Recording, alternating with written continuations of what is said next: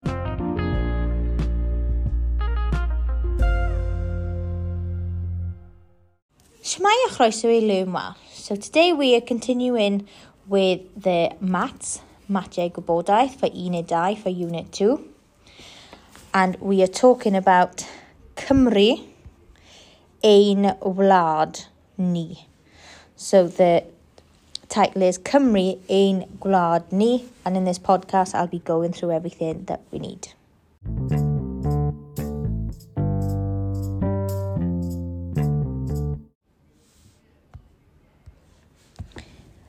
top left corner, it says, gan boill a siaradwch Gymraeg.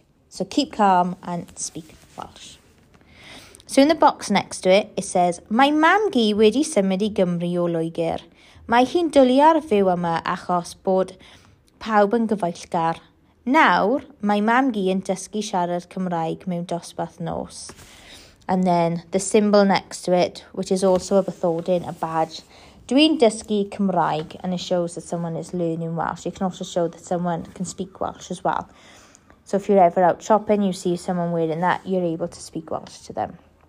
So my mam gi wedi symud i Gymru o Loegr. So my grandmother moved from Wales to Wales from England. Mae hi'n dwlu ar fyw yma. She loves living here. Achos bod pawb yn gyfaillgar because everyone is friendly. Nawr mae mam gi yn dysgu siarad Cymraeg. Now my grandmother is learning to speak Welsh mewn dosbarth nos. So discuss this. You can discuss obviously you're learning Welsh in school. I would recommend doing both sides of the argument ar un llaw on one hand ar y llaw arall and express your opinion as well. Maybe you've got a family member that's speaking Welsh as well.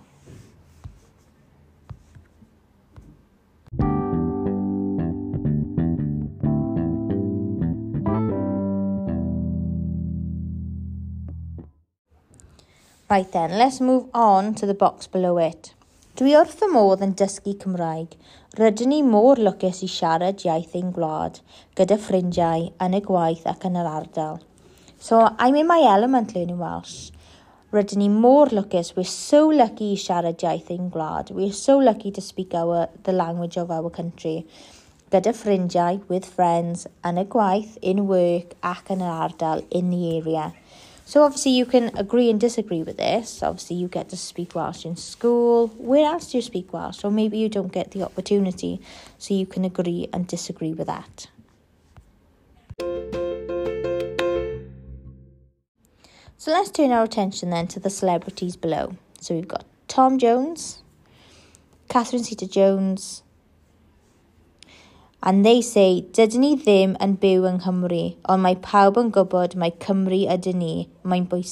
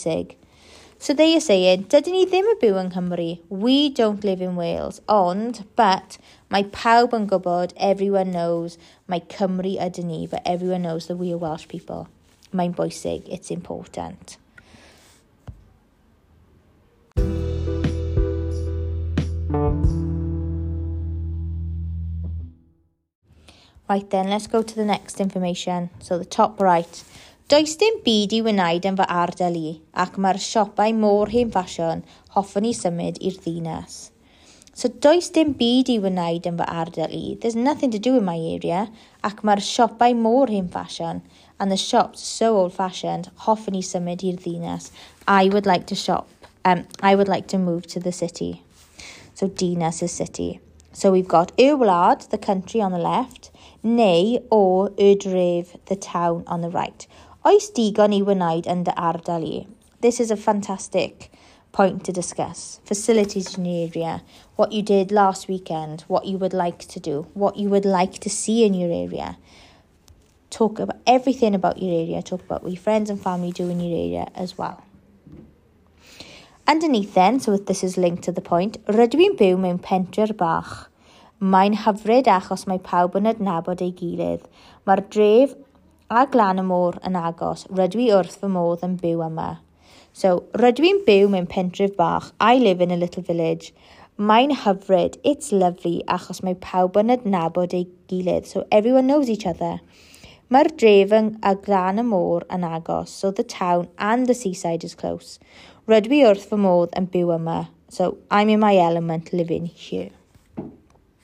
So you can express your opinion on where you live. Maybe you would like to live in the country Ulad, or y the town, or pentre bach in a little village and you can discuss.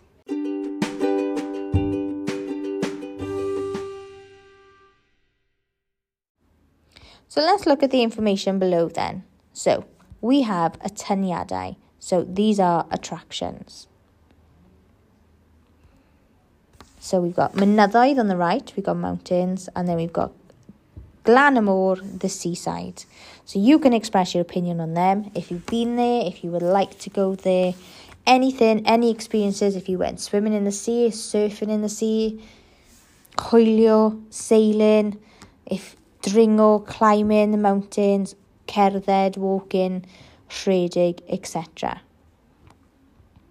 And then on the right then we've got hanes, storiau, So maybe you can talk about some of the castles, you can talk about Caerphilly Castle, the time you went to there, or any other attractions that you visited in Wales that's got any stories or any historical stories about them.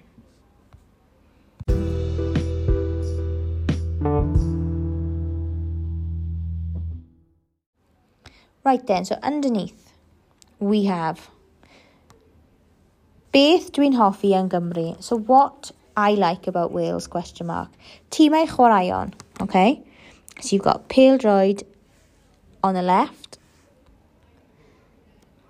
You can still talk about what you like about Wales. So you can say rugby, anything at all that you like about Wales, where you've been, where you would like to go. And then on the right, yr Eisteddfod a'r Urdd, so the Eisteddfod and the Urdd. So don't forget, the Urdd is all about Llangranog and all the campsites and all the wonderful things they do, and the Eisteddfod You've got the um, the international one, but you've also got the school ice studied that you can talk about as well. And finally, right in the middle of the mat, Ur Tawydd. So we can discuss about the Tawydd. What is like today, what the weather was like yesterday, what you would like the weather to be like, and express your opinion. Okay, maybe talk about where you like going on holidays because of the weather, or maybe you enjoy staying in Wales because of the weather. It's all everything that you can discuss.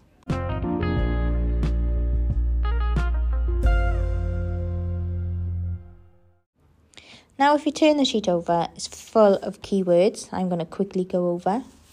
So we have summit, move, Lloegr, England, Emma, here, pawb, everyone, dysgu, learn, dosbarth north, night class, dim bead, nothing,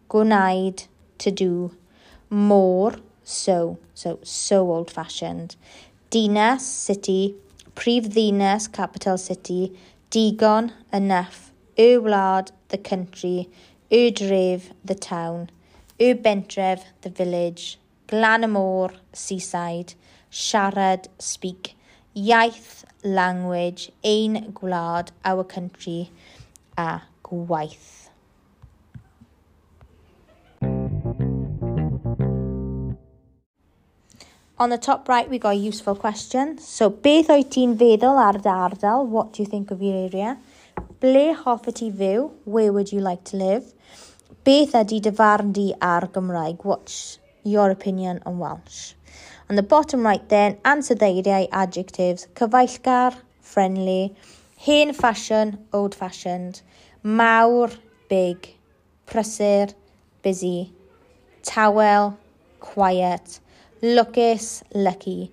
Cymru with a Y, Welsh people. Cymraes, Welsh woman. Cymro, Welsh man. Hardd yn drud.